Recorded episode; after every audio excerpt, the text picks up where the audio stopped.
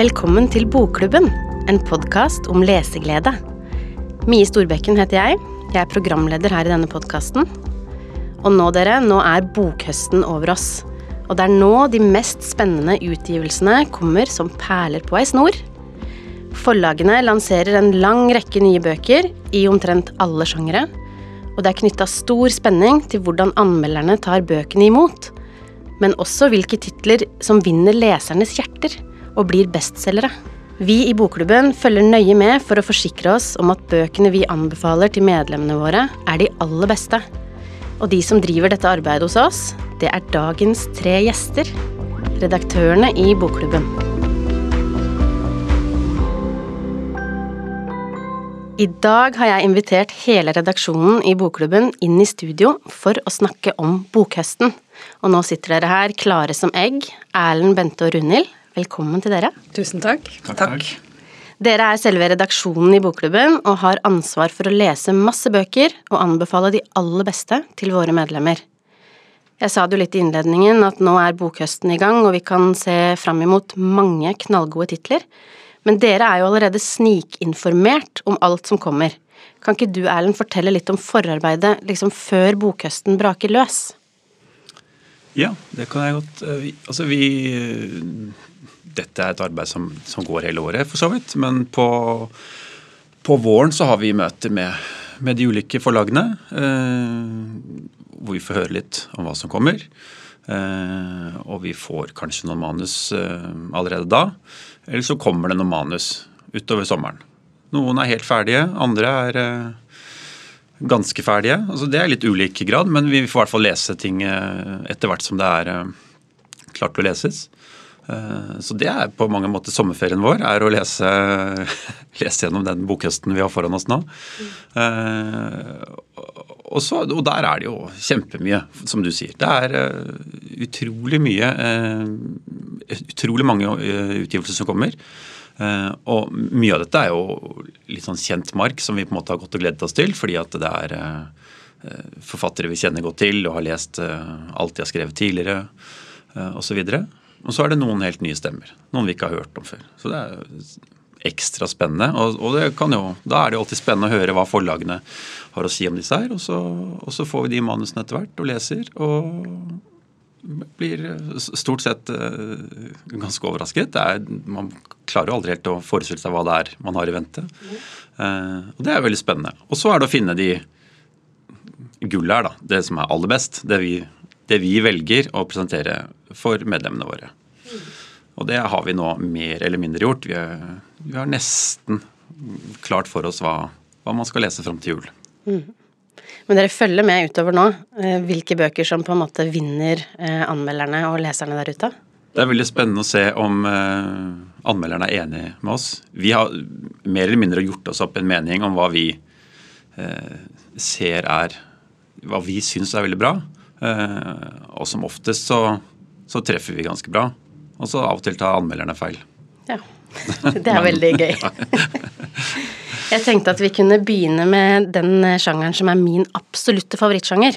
Det er jo historisk eh, fiksjon. Eh, For jeg har fått med meg at det kommer flere godbiter i den sjangeren her utover høsten. Eh, Og den som det har vært mest hallois rundt, det er jo kanskje 'Skråpånatta' av Lars Mytting. Den er det du som har valgt ut, Runhild. Kan ikke du fortelle litt om det? Det er jo en bok som egentlig har vunnet lesernes hjerter allerede, tenker jeg man kan si. Fordi mange har jo fulgt Lars Mytting i noen år med 'Søsterklokkene' og 'Hekneveven', som han allerede har skrevet om den lille fiktive bygda Butangen i Gudbrandsdalen. Så det er mange begeistrede lesere som har venta på denne boka, inkludert oss. Har jo gleda oss veldig og syntes det var veldig gøy å få lov å lese med en gang den kom. Og den eh, kan vi jo bare underskrive på at det det er bare å se fram til å få lese den også. Han, eh, han er like god som han har vært før. For dette er siste boka i Ja. den trilogi, ikke sant? Det er en trilogi, og det er siste bok, så for de som har lest litt i de forrige, så er det jo et gjensyn med disse bygdefolka i Butangen. Og det er Astrid Hekne, som vi har fulgt eh, både den eldre og den yngre. En prest, gammelpresten Kai Skjeigård. Disse mytene om de siamesiske tvillingene, som det hele begynte med i den første boka. Eh, og alle de mysteriene de etterlot seg, og som bygdefolket lever med i dag. Søsterklokkene, som eh, har en stor rolle her, som fortsatt er med. Vi får en del svar. Vi får en del svar. Det er Altså- mye Skeigård har jo ikke gitt opp å lete etter hekneveven og, og finne ut av hva, hva som egentlig skjedde med disse tvillingsøstrene for mange hundre år siden. Og tittelen er jo også for de som har lest før, i hvert fall, eh, vil de nok skjønne at dette er jo snakk om dommedag. Selveste dommedag. Og at det har noe med hekneveven å gjøre. Og jeg syns dette var en like stor leseopplevelse som de forrige bøkene. Kjempegøy å lese. Veldig mye fint. Som alltid med Lars Mytting så får han jo fram eh, framskrittene eh, som skjer i samfunnet. Hvordan det, det er jo gøy, fordi livet blir enklere å leve, selvfølgelig. Men samtidig så går det på bekostning av gammel tradisjon, gammel kunnskap. Veldig mye sånn flott og, og, og respektfullt om alt det folk har lagt ned av arbeid i eh, i, de, i hus og hjem og for samfunnet ellers. Ja. Så det er så ja. utrolig godt fortalt. Altså det, er, og det er så fint språk. og det, det er jo en sånn, Dette er av de manusene det er veldig eh, godt å ha en sommerferie på. For jeg, altså jeg brukte langt, liksom, jeg leste litt og satt, liksom sittende og på en måte fordøye det. For det er så ja, helt spesielt fin leseopplevelse. Um, kan jo ikke si noe annet. Nei, Den er det er altså Han skriver jo så du tror det har skjedd. Ja. Ikke sant? Ja, ja, man skulle ikke tro han hadde funnet nei, nei, dette er dette her. eh, veldig godt, godt funnet på. Veldig imponerende. På høstfesten til Gyldendal, som vi var på i forrige uke, så var Lars Mytting hadde tatt fri fra jakta for å komme dit, og leste litt, og da hadde redaktøren hans bedt han lese noe Vovet. Og det gjorde han. Vi sto og hørte på og veksla blikk, fordi han er jo veldig god i antydningens kunst. Så det vi fikk høre om da, var jo denne aldrede presten Kai Skjærgård og hans svært gode venninne enkefru Stueflåten, som Ja. ja, skal ikke røpe, men det gleder dere til det òg. Ja, absolutt. Nei. Men uh, Mytting er jo ikke den eneste som uh, driver med historiefortelling kjære, i høst. Vi har jo blant annet eh, Tore Renberg. Hvem av dere har lyst til å ta, ta ordet? Ja, altså Det det er uh, Tore Renberg er jo en sånn en du Du vet virkelig ikke helt hva du får. For nå er uh, liksom Hva, hva het den? Hillevåg-gjengen, eh, eller hva han har skrevet om tidligere, er jo virkelig parkert. For nå har han reist tilbake i tid. Så vi, vi skal tilbake til 1600-tallet. Eh, eh, begynner med en, åpner med en 15 år gammel jente som eh, føder et barn. Eh, og hvor hun blir eh, Og så blir dette barnet funnet dødt. Og hun blir anklaget for å ha drept barnet, da. Det er født utenfor ekteskap, så er, sant, det, her er det jo mye, mye å ta tak i. Eh, men også, så, så skriver han inn vitenskapen her, eh, og, og da klarer de å eh, grave i altså de, de ser at lungene på dette barnet har aldri pustet eh, har aldri pustet. altså Barnet var dødfødt, kan de dokumentere ved en lungeflyteprøve. Som er noe ikke jeg hadde hørt om før, i hvert fall, men den, den finnes. og Dette har Renberg gravd seg fram til, så han bruker jo da en gammel historisk hendelse og, og dette her til å fortelle noe som Det sier jo noe masse om i dag, og det sier noe om hele utviklingen og øh, kvinner, menn, vitenskap øh, Altså den øh, er jo helt fantastisk fortelling. Jo, er jeg syns jo det er så imponerende hvordan man greier å sette seg inn i en tid som er så langt tilbake, da. Og at han liksom greier å Han må jo ha gjort masse research, jobbet masse med liksom å få det rette tidsbildet. Og det syns jeg er, en, det er imponerende, faktisk. Og i tillegg språket. Ja, Han- språket, Han har jo lagt språket um, til den tiden, da. I hvert fall deler av boka er sånn. Og ja, det er jo ikke enkelt, vil jeg tro. Nei, men, men det, er, det gjør at du, du tror på det. Du, du, Ja. du opplever jo at du er der blant dem. Det er eh, eh, ja, det er ordentlig godt gjort. Så det er jo en bok som er ute og får jo veldig mange bra anmeldelser. Det er så Sekserne bare triller Ja, ja, av gårde. ja. Det er- Så det er jo en bok mange skal lese, tenker jeg. Og den heter Lungeflyteprøven. Stemmer. Oppsiktsvekkende tittel. Ja. ja. Man får lyst til å lese, lese den. Ja, den. Altså, den er også veldig vakker. Ja, ja. selve på en måte forsiden. Jeg syns den er skikkelig nydelig. Det er liksom forensic crime, Ja, ja, er det ja, ikke det? er- Bare i gamle er- dager. ja, ja. Ja. ja. Oppdaget at man kunne avgjøre ting med vitenskap. Mm. Ja. Veldig, veldig godt, eh, godt stykke arbeid. Ja. Um, neste jeg har på listen her, det er uh, Stranger. Ja. Rune, vil du si litt om den? ja, veldig gjerne. Ja. Det er jo alltid spennende når Simon Stranger kommer med bok. Han slo uh, stort gjennom leksikon om lys og skygge for eh, det er vel fem år siden nå, 2018. Ja. Fikk Bokhandelprisen, ble kjempegodt mottatt og, både av lesere og, og anmeldere. Og i utlandet, han har oversatt til over 20 språk, tror jeg. Den ble, boka ble hetende 'Keep Saying Their Names' på engelsk, som jo er veldig vakkert. For det er jo eh, problematikk om jødeforfølgelse. Og 'Snublesteinene' var vel noe av det som inspirerte han til den boka. Så da jeg fikk lese denne nye boka hans, så er jo det litt i samme univers. Altså det er eh, den samme familien som vi møtte i den forrige boka. Som, eh, men nå møter vi dem eh, under krigen på flukt til Sverige fra jødeforfølgelsene. Og det er bygget opp som en krimhistorie, nesten, for det er en krimhistorie her. Det var jo noen som ble drept på, ved grensen til Sverige. Et, et jødisk par som ble funnet død. Og han eh, kaller jo denne boka for 'Museum For mordere for og mordere og gjerningsmenn'. Så det er jo, ligger jo litt i tittelen her. At det er eh, at eh, noen er kanskje begge deler. og bygger opp uh, boka med ja, Det er både bilder og gjenstander og utdrag fra hemmelige dagbøker. Masse sånn som er reelt da, fra krigen. Men bygger opp historien sånn at du liksom vikler den ut rundt disse tingene. Så vi følger da på en måte dominoeffekten av at noen bestemmer seg for å gjøre noe. Og det er veldig sånn hårfin linje, da. Om det går bra eller dårlig. Om det er katastrofe eller redning. Og så følger liksom dominoeffekten av det som skjer. Og det er veldig intenst, syns jeg. Det er sånn Du skjønner hvilket enormt press både flyktningene og de som skulle redde dem, levde under, og hvor eh, lite det er da som skal til før det går eh, gærent. Ofte går det jo bra. Det handler jo mye om hva man gjør for å overleve. Hva man må gjøre. Føler jo kanskje at de som drepte, også gjorde dette for å overleve, da, eller for å redde sin familie.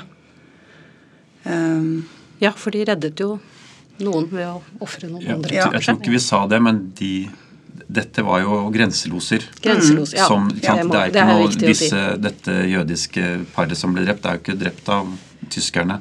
nei da. De skulle jo reddes. De skulle flykte fra. Og Og den eh, forbindelsen til eh, Simon Strangers eh, familie, eller altså bestemoren til kona hans, er jo at hun ble reddet over grensa av de samme grenselosene, men fire uker etter drapet. Så det er forbindelsen, da. Mm. Um, veldig spennende. Ja, og jeg måtte jo google hvor det altså det tjernet der hvor de døde flytter opp. Det er altså ved, i Trøgstad. Skrikerudtjern.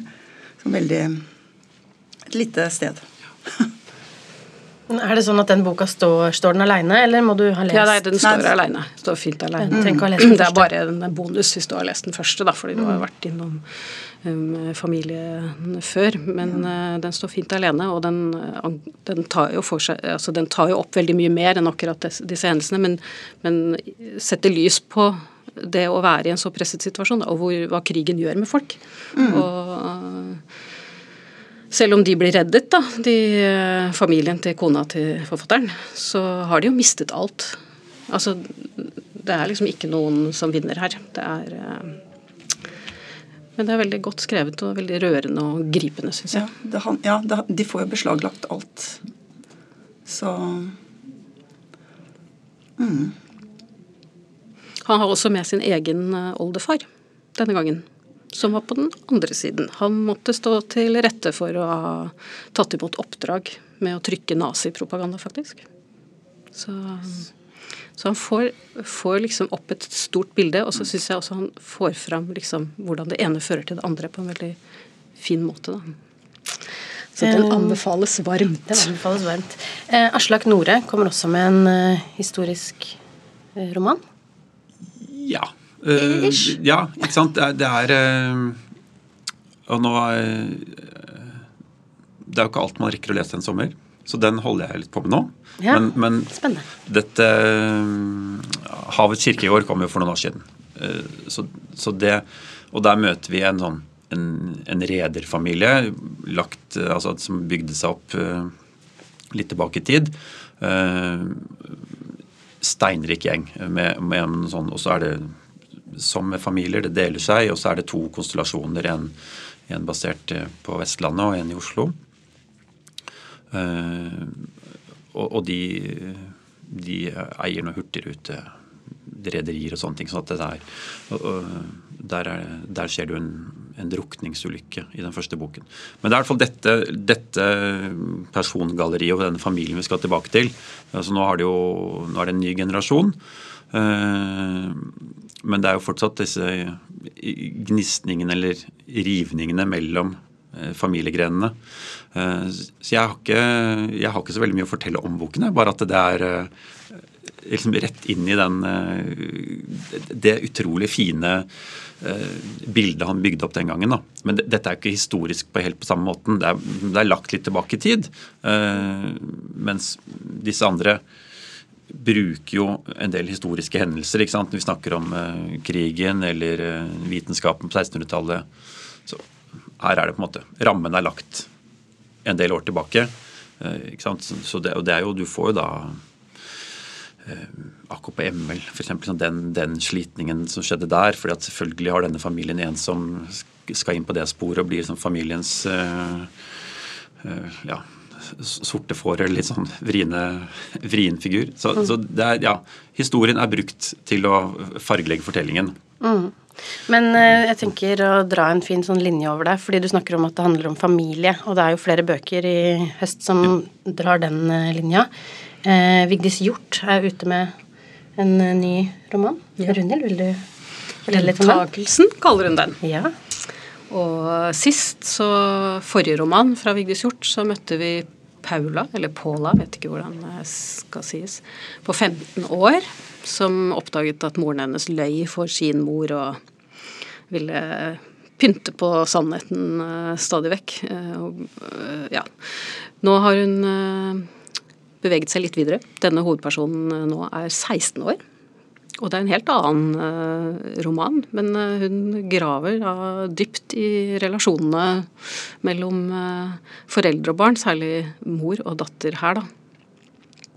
Hun er en forfatter som vil ned dit råten i våre liv først har begynt å spre seg, skrev en anmelder om Oi. den forrige boka, og det syns jeg var eh, Godt beskrevet. Det følte jeg kan man si om denne boka også. For det er jo akkurat det hun, hun, eh, hun undersøker, hun gransker, hun eh, er veldig modig da, til å, å liksom gå tett innpå hvordan det er å være ungdom. Og være eh, liksom helt i starten av det som skal bli et voksenliv. Hun, hun vil gå på fest med venninnene, hun vil smake på sigaretter, hun vil kjenne på rus, hun har lyst til å kysse noen, kanskje gjøre noe mer med noen. Alt det der der. Men samtidig så er det altså denne moren da, som henger over henne mentalt og litt fysisk òg. Med en voldsom engstelse og et kontrollbehov som hun er nødt til å forholde seg til, selv om hun ikke egentlig skjønner helt hvorfor moren er sånn. Så er det jo med henne hele tiden, som en slags sånn eh, klump, klamp om foten. Og hun øh, har jo en familiehemmelighet, eller den familien har en familiehemmelighet. Skal ikke røpe så mye mer, men øh, de som har lest en del av Vigdis Hjort, kan jo sikkert relatere noe til, til det hun har skrevet om før. Men, øh, men dette er en utrolig flott leseopplevelse. Veldig sterk, altså. Så den er verdt å lese. Veldig verdt å lese. Eh, Men eh, eh, ei som debuterer denne høsten her, hun gjør det. Nadia Ansar. Mm. Hun tar også eh, Skriver også om familie. Bente, vil du fortelle litt om hva det handler om? eh, det gjør hun absolutt. Hun skriver jo mye om sin oppvekst eh, og om å få lov til å få være seg selv da, når omgivelsene forventer noe helt annet av deg. Eh, Så boka starter jo med at hun tar eh, Hun disputerer for sin doktorgrad. Eh, Og om et Altså innenfor psykologi. Noe som hun kaller emosjonsfokusert terapi, tror jeg. Som handler om, om ja, hvordan man skal hjelpe sårbare barn. da. Og da er det jo noen i salen som spør eh, altså hva er inngangen til dette temaet? Eh, hva er din inngang til dette temaet? Og da kommer jo på en måte Altså det starter historien i boka. Så eh, mye om oppvekst eh, på Ekeberg som, eh, som eneste barn i klassen med minoritetsbakgrunn. Eh, om ungdom, om og altså, Tittelen 'Min skam' eh, henspeiler jo på noe som hendte i barndommen hennes, da, som, som ikke var så veldig bra. Um, ja, Så er det jo selvfølgelig om hvordan hun treffer mannen sin, Abid Raja, og alt eh, Hvordan de fikk hverandre, da. Eh, og hvordan han i grunnen endrer seg ganske mye etter at de er gift. Og hvordan hun må kjempe for å kunne få lov til å jobbe sånn som hun vil, og ikke ta seg av alt hjemme. Altså, um, når de gifter seg, så må hun jo da flytte til um, mannens familie, ta seg av hans familie. Det er, på, det er jo på en måte tradisjonen at man altså Sin egen familie skal man ikke ta seg av, men man skal ta seg av hans familie. Og det er jo ganske spesielt. Dette syns ikke hun er så ålreit. Men um, ja, det er et oppgjør med tidligere uh, forventninger, da. Ja. Som familien har til henne, og også mannen har til henne. Jeg holder på med Hege Duckert sin biografi om Katti Anker Møller nå. og fikk, Jeg leste jo først den Nadia Ansar sin bok, og så begynte jeg rett på den. Og det er altså Nadia Ansar beskriver jo en uh, fortelling nå fra sin egen uh, oppvekst, så det er ikke så lenge siden. Katti Anker Møller er jo norsk familie, da, men det er bare 100 år siden. Uh, og jeg fikk bare så assosiasjoner mm. til Nadia Ansar. Altså, de er oppdratt til å slå blikket ned, de skal være stille når det er andre i rommet. Ja. De skal ikke uh, sette seg selv uh, opp og fram, de skal finne sin plass, liksom. Mm. Og den kampen de har kjempet, hver for seg med 100 års mellomrom, men den var påfallende lik, syns jeg. Mm. Uten sammenligning for øvrig. Men det der med å liksom ta sin plass, da. Det er et slags feministisk prosjekt, da. Mm. Uh, Syns det var uh, ja, og jeg syns jo at uh, Nadia Ansar har skrevet en ganske god tekst. Altså. Det er veldig bra er, For det første så det, syns jeg det er interessant å lese eh, om hennes bakgrunn. Um, og det er skrevet godt, syns jeg. Det er absolutt uh, verdt å få med seg, altså. Mm. Um, det er jo enda en som det er knytta mye forventninger eh, til, og det er uh, Lars Saabye Christensen. Erlend, ja. fortell litt om det. Jo, nå, nå, nå snakker vi om selvbiografier her, og denne vet jeg ikke helt hvor jeg skal plassere. Lars Saabye Christensen han fyller 70 nå om noen uker. Han har skrevet en roman om en forfatter, Jørgen Ribe, som snart fyller 70. Det er interessant. Ja, Eh, og dette er en forfatter som eh, debuterte på 70-tallet og fikk et kjempegjennombrudd på 80-tallet med romanen 'Pøbel'. Så liksom, Hvis man har lest litt av Saabye, så, så, kjenner man igjen mye her. Den, den, den, 'Pøbel' ligner jo selvfølgelig på Beatles. Og, uh, men, men, så tar uh, Jørgen Ribes liv en litt annen vending enn det ja, Han trekker seg tilbake fra offentligheten og det har vel aldri Saabye Christensen gjort. Han har jo produsert jevnt og trutt i, i, i snart 50 år. Eh, men, men, det er veldig sånn Det er klart at man sitter som leser og lurer. Hva, hva er det han forteller om seg selv nå, og hva, hva er det han forteller deg? Men det, det er jo liksom Saabye-universet vi skal til. Det er, eh, det er, stupetårn og frisører og guttegjenger på, på Frogner og Skillebekk og, og alt dette her. ikke sant? Og det eh, det er i hvert fall ingen som gjør det bedre enn han. Eh, så det er en veldig veldig fin, eh, fin roman. Om, eh, altså jeg så en anmelder som omtalte dette som denne romanen som halvsøsteren til halvbroren. Og det syns jeg var en litt sånn fin Ja. Den har, noen, den har sånne fine nikk til hele forfatterskapet og de, og de romanene vi er jo utrolig glad i. ikke sant? Så Vrakeren heter Vrakeren, den. Ja. Der kom det. Den, ja, det. Helt på slutten. Men når vi snakker om eh, jubileum um, Anne Holt er ute med en uh, ny bok. Ja. I 1993 så fikk Norge sin første kvinnelige biskop, Rosemarie Køhn. Eh, Norge slo England 2-0 i VM-kvalifiseringa, og William Nygaard, forleggeren eh, i Aschehoug, ble utsatt for et attentat, altså et mordforsøk, fordi han ga ut en kontroversiell bok. Og det var altså det samme året som Anne Holt, som da man mange i hvert fall kjente fra at hun hadde vært TV-anker, hun har vært advokat, hun har vært justisminister. Men hun suste da liksom rett inn på den norske krimtoppen med en eh, helt ny, kul eh, krimheltinne. Politibetjent Hanne Wilhelmsen. Den boka het 'Blind gudinne'. Den gikk rett inn i bokklubben som hovedbok, faktisk. Og der er de jo fortsatt da begge to. 30 år etterpå. Vi har fulgt dem hele veien. Hanne og Anne.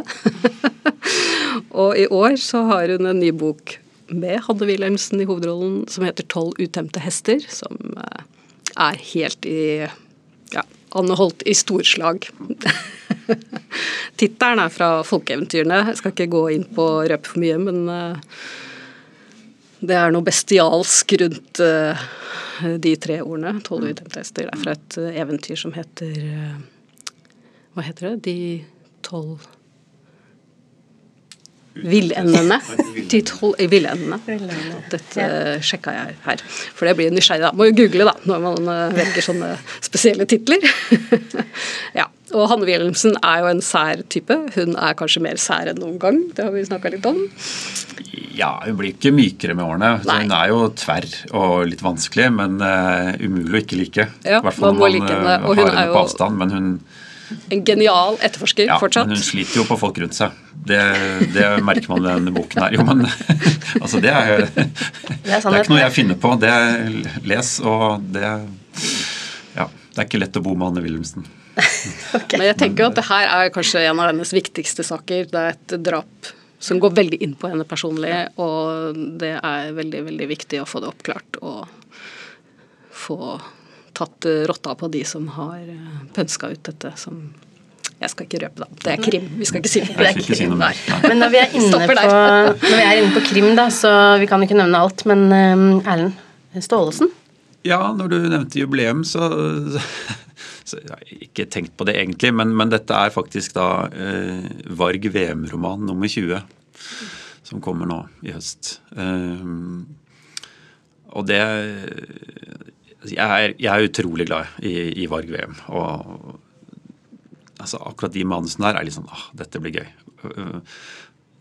Og det er sånn, det er fra første linje så er du Han klarer å sette tonen, da, så du kjenner igjen med en gang. Hvis du hadde liksom lagt manuset der uten noe eh, noe tittel eller noe sånt, så tror jeg jeg skulle liksom snust meg fram til at dette er Varg VM. Eh, har liksom den der eh, tonen. Og, og så, så, dette, Hvis man har vært borti Varg VM før, så vet man hva man får. Men nå uh, VM blir eldre uh, og er jo ikke like ikke sant? Han har liksom hatt åpninger hvor det uh, sitter en død mann på venteværelset, eller han liksom går rett inn i et eller annet i en eller annen konflikt. Men her er det nå han blir fratatt førerkortet på, på, en tur oppe på Nordvestlandet. og så da av den grunn så må han ta en buss, og så dumper han borti en, en bygd hvor det rett og slett eh, ja, er litt surmuling. Der, der er det, det er laksemilliarder inne i bildet her, med liksom en bygd som deler seg i to. og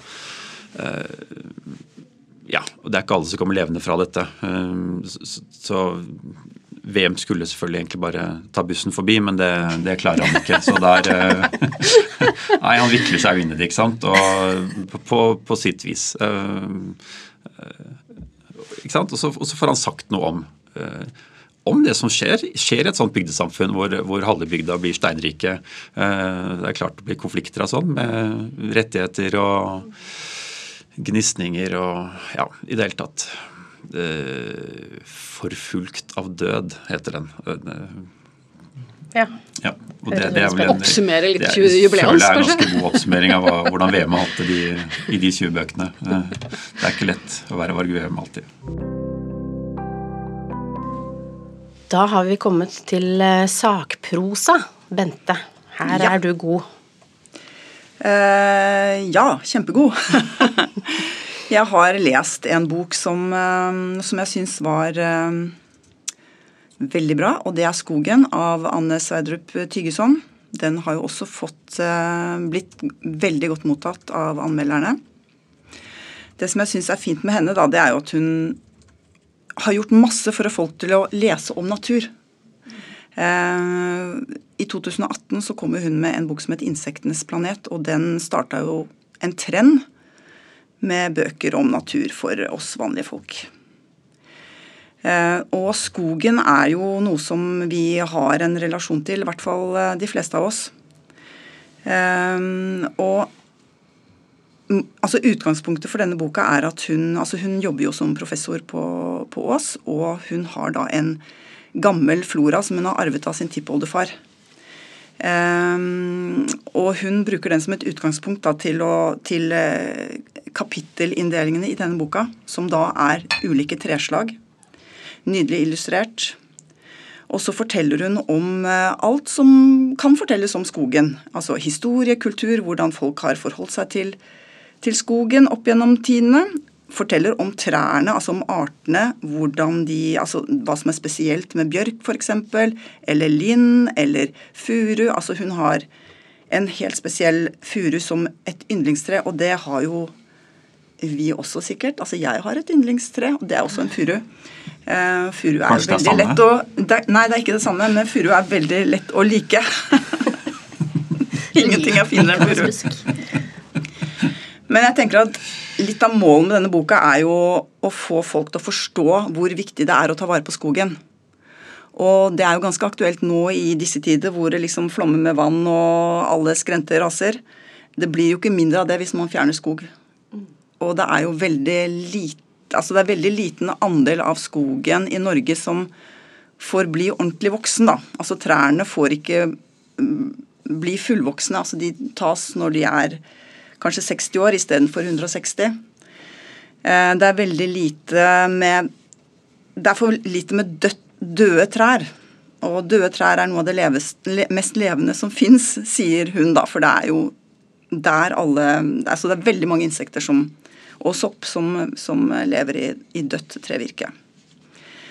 Um, 48 av alle trua arter fins jo i skogen. Det er veldig mange arter eh, totalt som, som, som eh, er relatert til skog. Så skogen er viktig å ta vare på. Og hun forteller jo Altså, hun skriver eh, en tekst som liksom bare flyter av gårde. Eh, handler om masse. Og hun er ikke Hun kritiserer jo kanskje ikke skognæringen. Altså hun, er, hun snakker som en fagperson. Ja. Jeg tenker at vi mm. burde anbefale alle her å gå inn og følge henne i sosiale medier. For jeg syns ja, hun er så utrolig er flink, flink, der. Flink der altså. Til å mm. formidle på en måte ja, natur og ja, kjærligheten til skogen. Mm. Veldig fin. Eh, det er jo en annen eh, dame som har vært på tur, holdt jeg på å si. Ja, hun er også på tur eh, mye, og det er Anne Lindmo som mm. har funnet turgleden. Den boka heter Min tur også en tekst som er eh, velskrevet, morsom, eh, humoristisk. Og det må jeg bare si om skogen også. Den er ganske humoristisk skrevet. Og det er, det er, det er sånn at er, dette er veldig sånn hyggelig lesning, da. Begge disse to er veldig hyggelige. Um, Anne Lindmo har jo da hatt en periode i sitt liv hvor hun ikke har vært så mye ute på tur. da, Hvor hun kanskje har sittet og og kost seg litt vel mye. Og så finner hun ut at nå skal hun eh, begynne å gå på tur, og eh, Ja, så hun har liksom famlet seg litt fram eh, ute i fjellet, f.eks. Besseggen med en tysk kjæreste, og hvor hun skal imponere veldig og egentlig ikke kan så mye om, om å gå tur, men det går jo fint, da. Og så blir det jo etter hvert mer sånne hardcore-turer med eh, skiturer på fjellet uten sikt og altfor kaldt og tung pulk og litt for dyp snø. Og hun snakker jo også mye om folk hun blir kjent med, som blir nye turvenner.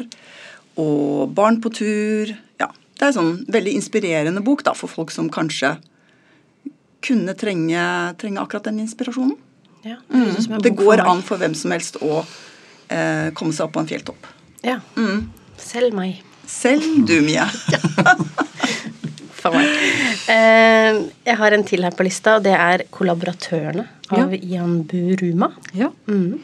Han er en av verdens mest kjente historikere, og jeg tror eh, mange leste den eh, boka som kom for en del år tilbake, som heter År null, der han skrev om fredsvåren etter krigen.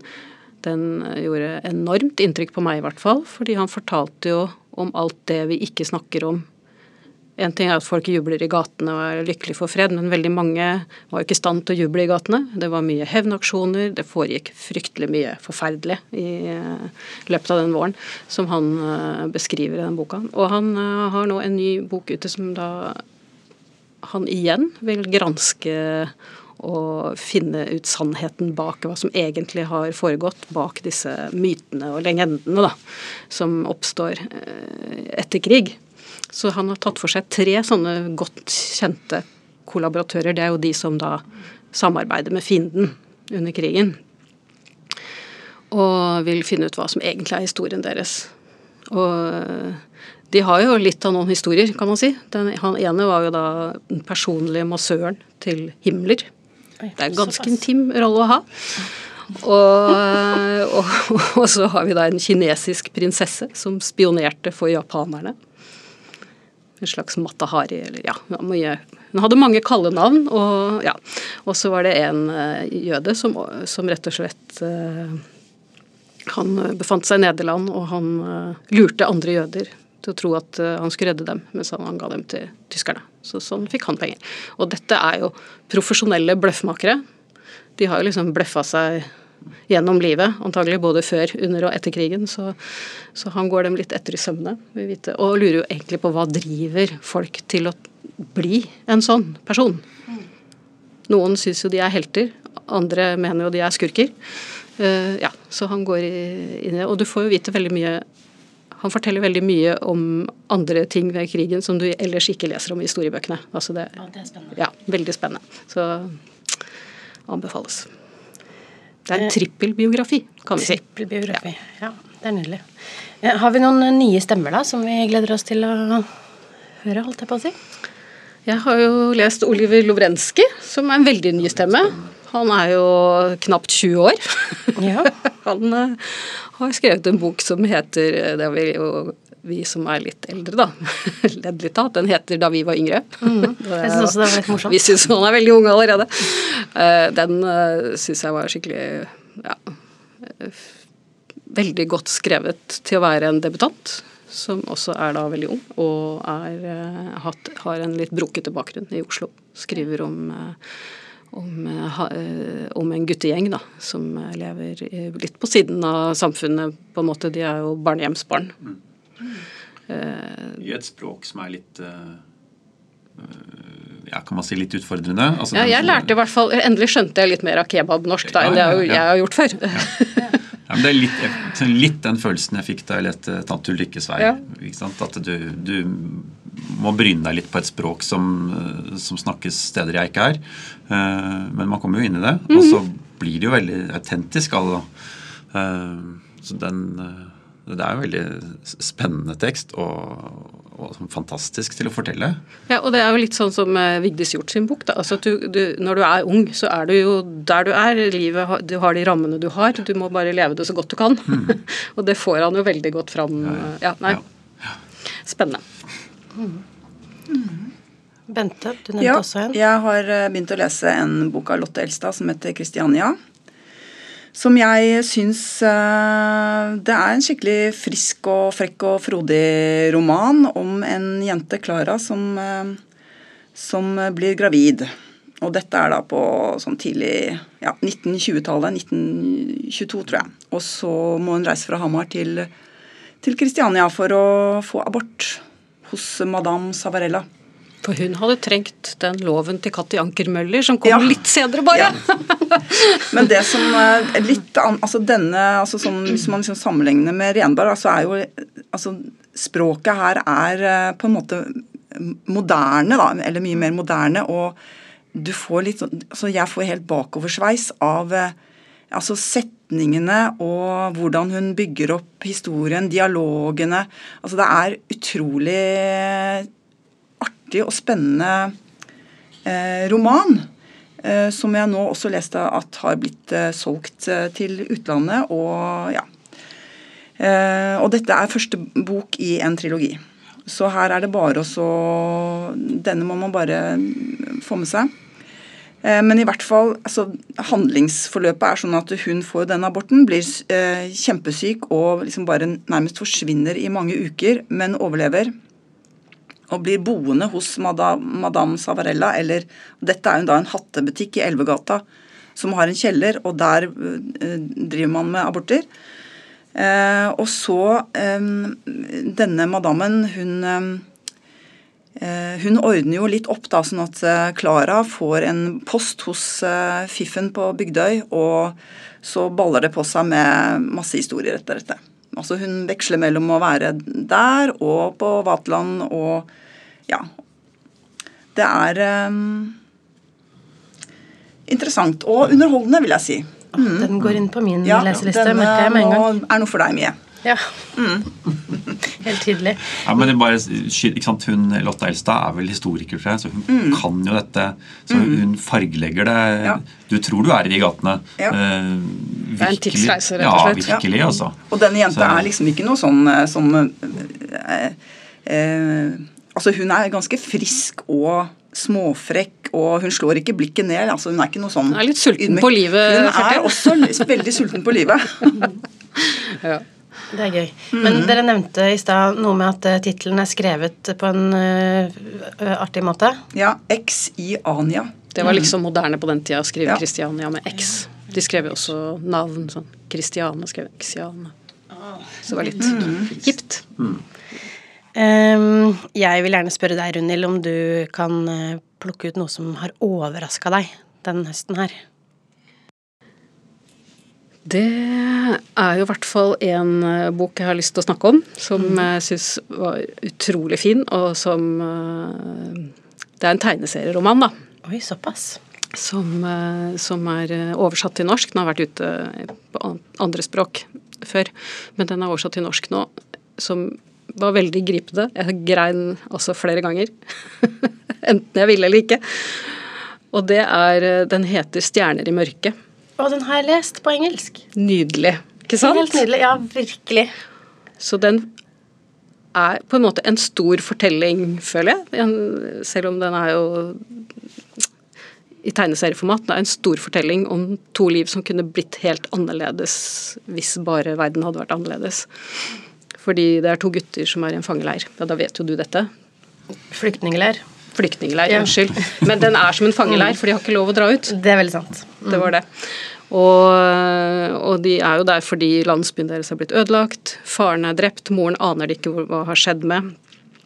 Og alle tror jo at de skal hjem igjen snart, og så går jo årene, og krigen i Somalia går ikke over. Og de er der, de er stuck uh, i den leiren.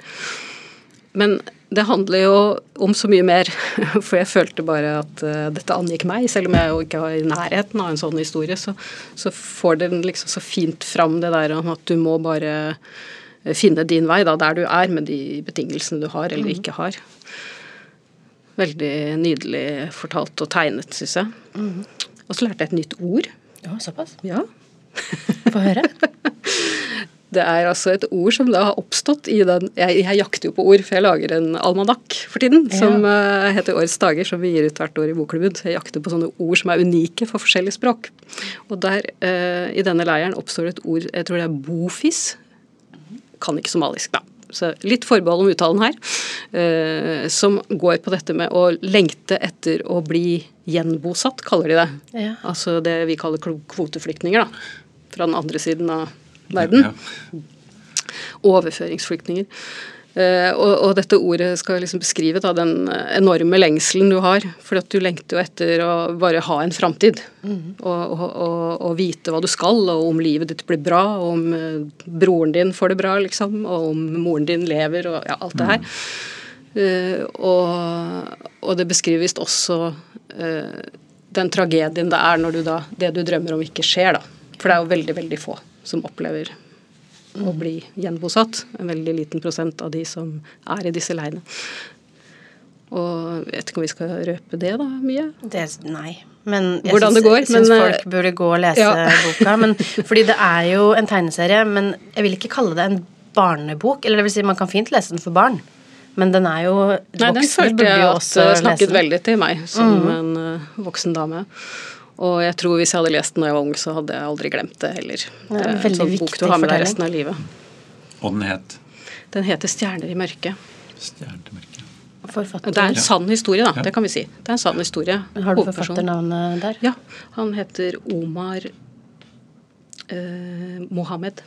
Men eh, altså, det, har, det er hovedpersonen, da, som, eh, som eh, faktisk har opplevd dette.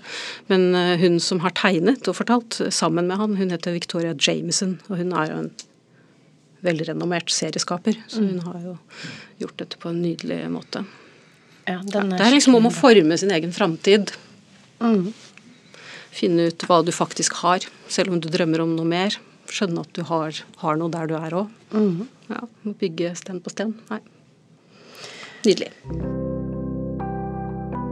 Da har vi kommet gjennom hele den lange lista mi, men eh, før jeg slipper dere, kan dere ikke fortelle om en bok dere gleder dere til? Runhild? Jeg gleder meg veldig til Isabel Allende. 'Vinden kjenner mitt navn' heter den nye romanen hennes. Ikke kommet på norsk enda, men eh, skal snart få lese. Gleder meg veldig. Jeg har likt veldig godt de siste romanene hennes. da. Og så var jeg jo helt hekta på henne da hun hadde skrevet 'Åndenes hus' og Eva Luna-bøkene og sånn. Ja. Og du, Erlend? Eh, Jeg gleder meg veldig til dere skal lese Jeg har akkurat lest ferdig 'Frode Ja. Grytten'. 'Den dagen Nils Vik døde'. Det er en, eh, en fortell, altså, Det er sånn Frode Grytten kan gjøre, og ingen andre. Men det er en, en fantastisk fin kjærlighetshistorie. Eh, Siste dagen i Nils Viks liv. Og da forteller han om sitt liv. Eh, Så den kan jeg snakke mer om en annen gang. Ja, spennende. Vi burde fått tid til den tidligere, men nå Ja. Eh, Bente? Ja, da gleder jeg meg veldig til eh, Grytten, siden Erlend sier det. Og så gleder jeg meg veldig til Solveig Balle om utregning av romfang nummer tre. Det er altså litt hekta på, det, på de på bøkene der, faktisk. Det er gøy. Ok, men takk for at dere kom i dag. Tusen takk for meg. Selv takk. Takk, takk. Vi ses vel igjen. Si. Det er far for det. Plutselig. Plutselig. Nå vet dere hva dere skal kaste dere over i høst. Bli gjerne med i Facebook-gruppa vår. Mer leseglede med Bokklubben heter den. Og der inne diskuterer vi bøkene mens vi leser dem. Og vi vil gjerne høre fra dere. Søk opp gruppa, så slipper vi dere inn. Vi er snart tilbake med en ny episode. Og til da god lesing.